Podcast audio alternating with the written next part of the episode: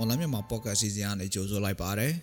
2023ခုနှစ်ဇူလိုင်လ28ရက်နေ့ဒီနေ့ကျွန်တော်တို့တင်ဆက်မယ့်အစီအစဉ်မှာတော့ပရိသတ်တွေစိတ်ဝင်စားပွဲမွန်မြင့်တဲ့တဲ့ပြည်တွင်းသတင်းနဲ့အာဆီယံသတင်းသတင်းပေးပို့ချက်ပြည်သူတွေသိထားတဲ့နိုင်စင်ကုန်စင်တော်သတင်းချို့တွေကိုအစီအစဉ်ပထမပိုင်းမှာရွေးချယ်တင်ပြပေးသွားမှာဖြစ်ပါတယ်။ဒါအပြင်တော်လန်ရေးမှာမြို့သမီးတွေပုံမပါဝင်လာရေးဆောင်ရွက်နေတဲ့ဆိုတဲ့သတင်းပေးပို့ချက်ကိုလည်းတင်ဆက်ပေးပါဦးမယ်။ ဘယ်ပါဒီနေ့အစီအစဉ်မူကတော့ကျွန်တော်အကာတာဝန်ယူသွားမှာဖြစ်ပြီးကျွန်တော်နဲ့အတူနွန်တန်ကသတင်းတွေကိုကူညီတင်ဆက်ပေးသွားမှာပါ။နားဆင်နေကြတဲ့ပရိသတ်အားလုံးမင်္ဂလာပါလို့နှုတ်ခွန်းဆက်သပါရစေ။ကျွန်မနွန်တန်ကသတင်းတွေကိုကူညီဖတ်ကြားပေးသွားမှာဖြစ်ပါတယ်။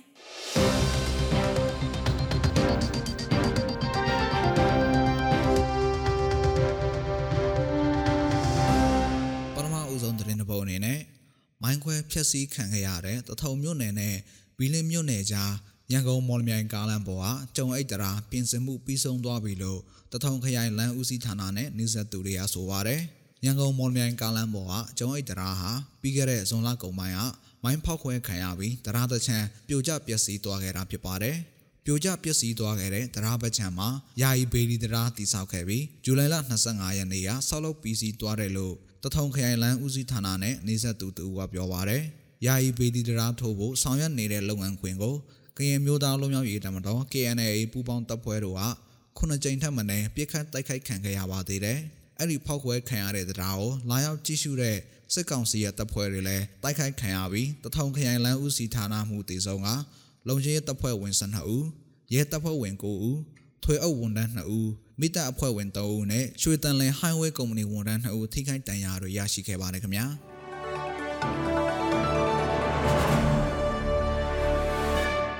မွန်ပြည်နယ်ဈေးကွက်အတွင်းစောင်းစီတပိတ်တာ13000ကျော်အထိဈေးနှုန်းမြင့်တက်သွားတယ်လို့စားတောက်ကုံလုပ်ငန်းရှင်နဲ့စားသုံးသူတွေစီကနေသိရပါဗျ။စောင်းစီရညွန်လက်ကစီတပိတ်တာကို4300အထိမြင့်တက်သွားပြီးနောက်ဈေးကွက်အတွင်းစောင်းစီတပိတ်တာ13250ကျပ်ထိဈေးနှုန်းမြင့်တက်သွားတယ်လို့စားတောက်ကုံလုပ်ငန်းရှင်တဦးကပြောပါဗျ။အရင်ကစောင်းစီစေးတပိတ်တာကို6000ကျပ်ဝန်းကျင်သာရှိခဲ့ရတာကနေအခုလအတွင်းမှာပိုတက်လာခဲ့တာဖြစ်ပါတယ်။ စစ်တပ်အာဏာမသိမ်းခင်ကစားသုံးစီစားအောင်စီတပိတ်တာကိုကျန်း2000ကျော်သာရှိခဲ့ပေမဲ့စစ်တပ်အာဏာသိမ်းပြီးနှစ်ကျော်ကြာပြီးတဲ့နောက်စားအောင်စီစေးတပိတ်တာချက်13000ကျော်ထိဖြစ်လာခဲ့ပါတယ်ရှင်။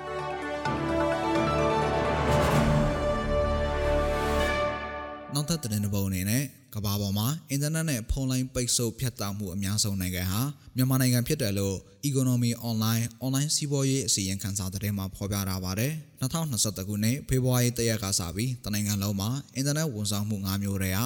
လူသုံးအများဆုံးဖြစ်တဲ့ Mobile Data, Wi-Fi နဲ့ Broadband ဝန်ဆောင်မှုတွေကိုစစ်ကောင်စီကပိတ်လိုက်ပြီးကေဘယ်ကျိုးသုံးအင်တာနက်နဲ့စီးပွားရေးလုပ်ငန်းသုံးအင်တာနက်ဝန်ဆောင်မှုနှမျိုးတွေကိုသာစစ်ကောင်စီကခွင့်ပြုထားပါတယ်။ ဒါအပြင်ကမ္ဘာနိုင်ငံတွေအတွင်းမြန်မာနိုင်ငံရဲ့အင်တာနက်မြန်နှုန်းဟာ19မီဂါဘိုက်နဲ့အဆင့်134မှာရှိနေတယ်လို့အခုနှစ်ဇွန်လထုတ်ပြန်တဲ့ကမ္ဘာလုံးဆိုင်ရာအင်တာနက်မြန်နှုန်းညွှန်းကိန်းထုတ်ပြန်ချက်မှာဖော်ပြထားပါတယ်ခင်ဗျာ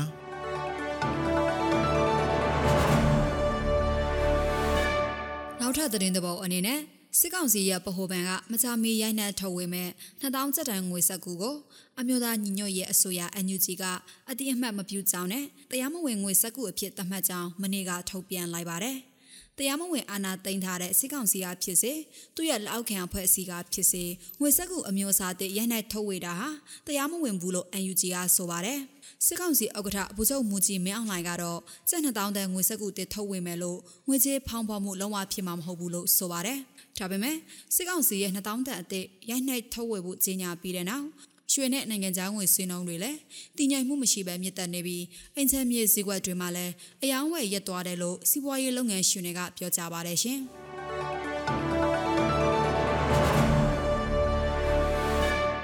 နောက်ဆုံးသတင်းတစ်ပုဒ်အနေနဲ့ ထိုင်းမြန်မာနယ်စပ်မှာတိုက်ပွဲတွေပြင်းထန်ပြီးစစ်ကောင်စီရဲ့လေကြောင်းတိုက်ခိုက်မှုတွေကြောင့်မြန်မာနိုင်ငံသား9000ကျော်ထိုင်းနိုင်ငံဘက်ကိုအရေးပေါ်တင်းချောင်နေရတယ်လို့ထိုင်းနိုင်ငံသတင်းစာတွေကဖော်ပြပါဗျ။မြန်မာနိုင်ငံသား9000ကျော်ထိုင်းနိုင်ငံမဲဟောင်ဆောင်ခရိုင်မှာရှိတဲ့မြို့နယ်၃ခုကတောရတဲ့စကန်၅ခုကိုထွက်ပြေးတင်းချောင်လာကြတယ်လို့ဆိုပါတယ်။မြန်မာစစ်တပ်ရဲ့လေကြောင်းတိုက်ခိုက်ခံခဲ့ရတဲ့ကရားပြည်နယ်တော်နိုကူစစ်ဘေးရှောင်စခန်းကဒုက္ခတဲ့၄000ကျော်ဟာထိုင်းနိုင်ငံဘက်ခြမ်းထွက်ပြေးခဲ့ရတာဖြစ်ပါတယ်။ အဲ့ဒီစစ်ဘေးရှောင်တွေကိုထိုင်းအာဏာပိုင်တွေကတရားဝင်ယာယီလက်ခံထားပြီးအထောက်အပံ့ကူညီတွေပေးထားတယ်လို့သိရပါတယ်ခင်ဗျာ။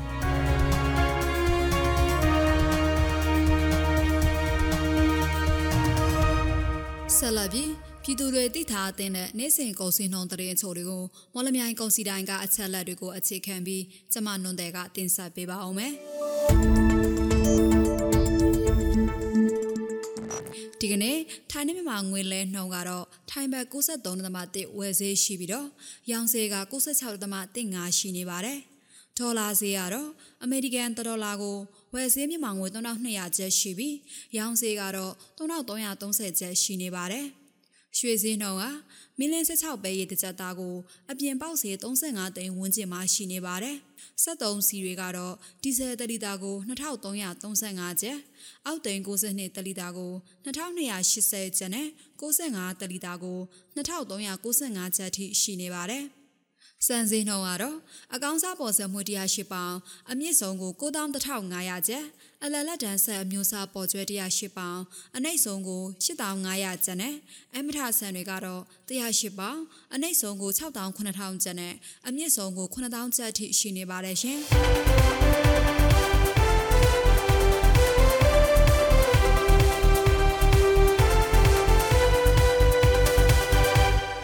ခုတင်ဆက်ပေးတော့ခဲ့တာကဇူလိုင်လ28ရက်နေ့မှာဖြစ်ပျက်ခဲ့တဲ့မုံမြင့်တဲ့တဲ့ ပြည်တွင်းသတင်းနဲ့အာဆီယံသတင်းတွေအပြင်တနိဒါစီစေးငွေစေးနဲ့ကုန်စည်နှုန်းတွေကိုတင်ဆက်ပေးသွားခဲ့တာဖြစ်ပါတယ်။ဆက်လက်ပြီးတော့တော်လန်ရေးမှာအမျိုးသမီးတွေပုံမပါဝင်လာရေးဆောင်ရွက်နေတဲ့ဆိုတဲ့သတင်းပေးပို့ချက်ကိုနဒီယာတင်ဆက်ပေးပါဦးမယ်။လူဦးတော်လန်ရေးမှာအမျိုးသမီးတွေနေရာကန်တာအလိုက်ပုံမပါဝင်လာနိုင်ရေးစ조사ဆောင်ရွက်နေတယ်လို့ဒေါ်လာရေးရာစုကောင်းဆောင်တို့ကပြောပါတယ်မြန်မာနိုင်ငံလုံးဆိုင်ရာ ကျောင်းသားများဒီမိုကရက်တစ်တပ်ဦး ABSDF မှာရဲဘော်စံနီကမိမိတို့ ABSDF မှာလည်းအမျိုးသမီးပါဝင်မှုပုံမှုများပြားလာတယ်လို့အခြားသောတော်လိုင်းရေးအင်အားစုတွေမှာလည်းအမျိုးသမီးပါဝင်မှုများလာတယ်လို့သူကဆိုပါတယ်တော်လိုင်းရေးခန့်ကဏ္ဍမှာခန့်ကဏ္ဍတော်တော်များများမှာဒီအမျိုးသမီးတွေရဲ့ပါဝင်မှုတော့မြင့်လာတဲ့ပြင်ကျွန်တော်တို့ဒီနေ့ရှိနေကြတဲ့သင်္ဟာစုတွေထဲမှာလည်းအမျိုးသမီးတွေရဲ့ပါဝင်မှုကို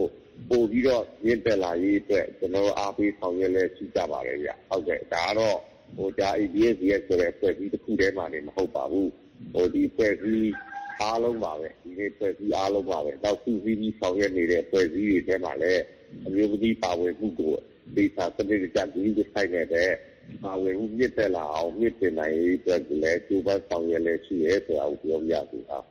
မြန်မာမျိုးသမီးသမက PWU ရဲ့ဇူလိုင်15ရက်ကကျင်းပခဲ့တဲ့ညီလာခံမှာကျန်တာတန်းသူရေးနဲ့တရားမျှတမှုရရှိရေးနိုင်ငံရေးဥဆောင်မှုနဲ့စောင့်ပြတ်ချက်ချတဲ့အစီအစဉ်မှာအမျိုးသမီးတွေပါဝင်လာစေရေးစစ်အာဏာရှင်စနစ်အပါအဝင်အာဏာရှင်မှန်သမျှပြုတ်ကျရေးနဲ့ဖက်ဒရယ်ဒီမိုကရေစီတည်ဆောက်ရေးတို့အတွက်ဦးစားပေးလှုပ်ဆောင်သွားဖို့ဆုံးဖြတ်ခဲ့ကြပါတယ်။မွန်ပြည်ကာကွယ်ရေးတပ် NSDF မှာလည်းအမျိုးသမီးတွေပုံမှုပါဝင်လာစေရေးမဟာဗျူဟာရေးဆွဲပြီးဆောင်ရွက်နေတယ်လို့ NSDF ဥက္ကဋ္ဌဒေါက်တာတေတီမွန်ချန်ကပြောပါတယ်ခုလောလဲစေကြောကျွန်တော်တို့တက်ထဲမှာအမျိုးသမီးစစ်တီတွေရဲ့ပါဝင်မှုတော့ပေါ့နော်တော်တော်လေးနေတယ်အထူးသဖြင့်အမျိုးသမီးတွေကြတော့ဟိုစေတဲ့ဖွဲ့မှာဟိုစေကမ်းမှာဟိုနောက်ပြီးတော့ဒီဟိုဆက်ဆက်ဆက်ဆံရေးဌာနတို့နောက်ပြီးဆက်သွယ်ရေးဌာနတို့အဲ့လိုမျိုးစက်နေနေပဲဟိုပါဝင်လာရှိတယ် ဟိုဗာလဲဒီဟိုစီရစီနေပြီးမှတော့ပြီးတော့ဟိုတိုက်ပွဲပေါ်ဆောင်နေနေရမှာကြတော့ဟိုပါဝင်မုံလုံးတော့မရှိသေးဘူးဟိုနောက်နောက်တကယ်လို့ကျွန်တော်တို့ရဲ့လှုပ်ရှားမှုတွေအဲတိုက်ပွဲပေါ်ဆောင်မှုတွေအဲဟိုတက်ရအားလေဟိုဒီလိုပဲကြီးမားလာတဲ့အချိန်မှာကြတော့ဒီအမျိုးသမီးစစ်တီတွေဒီလိုပါဟိုဒီနေ့ပါအမျိုးသမီးတက်ပေါ်နော်အဲ့လိုမျိုးဟိုဖြစ်ပေါ်လေကျွန်တော်တို့ဟိုကလည်းဟိုမဟာဗိဟာကြီးကြီးချထားတာတော့ရှိတယ်နော်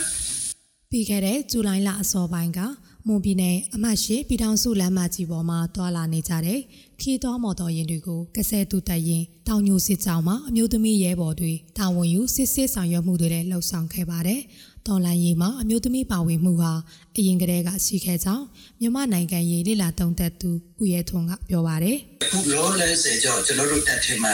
အမျိုးသမီးစစ်တီတွေရဲ့ပါဝင်မှုတော့ပေါ့နော်တော်တော်လေးနေတယ်။အထူးသဖြင့်အမျိုးသမီးတွေကြတော့ဟိုစေတဲ့ဖွဲ့မှာဟိုစေကမ်းမှာဟိုနောက်ပြီးတော့ဒီ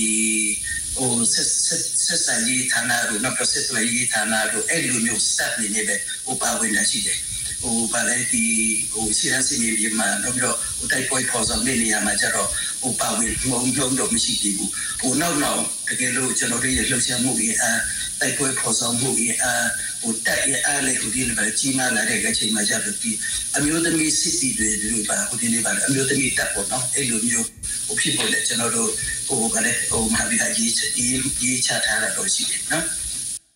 လက်ရှိမှာလက်နက်ကိုင်အဖွဲ့အစည်းတွေထဲအမျိုးသမီးစစ်သည်ပါဝင်မှုများပြားလာတော့လဲရှေ့တန်းစင်မြေပြင်မှာလက်နက်ကိုင်တိုက်ခိုက်မှုထိုက်ပိုင်းကောင်းဆောင်နေရမှာနေရာရရှိမှုအားနည်းနေသေးတယ်လို့သုံးသပ်မှုတွေလည်းရှိနေပါတယ်။ပြီးခဲ့တဲ့2023ခုနှစ်ဇွန်လလယ်ပိုင်းကထုတ်ပြန်တဲ့ကုလသမဂ္ဂရဲ့အစီရင်ခံစာမှာခွဲခြားဆက်ဆံခံရမှုဆယ်စုနှစ်အတွင်းတိုးတက်မှုမရှိသေးဘူးလို့ဖော်ပြထားပါတယ်။ ဒါအပြင်ကမ္ဘာလူဦးရေရဲ့69ရာခိုင်နှုန်းမှာအမျိုးသားတွေဟာအမျိုးသမီးတွေထက်နိုင်ငံရေးကောင်းဆောင်နေရမှာပိုကောင်းအောင်လုပ်နိုင်တယ်လို့ယုံကြည်ဆဲဖြစ်ပြီး29ရာခိုင်နှုန်းကသာအမျိုးသမီးအမျိုးသားတန်းတူအခွင့်အရေးရှိဖို့ဒီမိုကရေစီအတွက်မရှိမဖြစ်လိုအပ်တဲ့ဆိုတာကိုယုံကြည်ကြတယ်လို့ဖော်ပြထားပါတယ်ရှင်။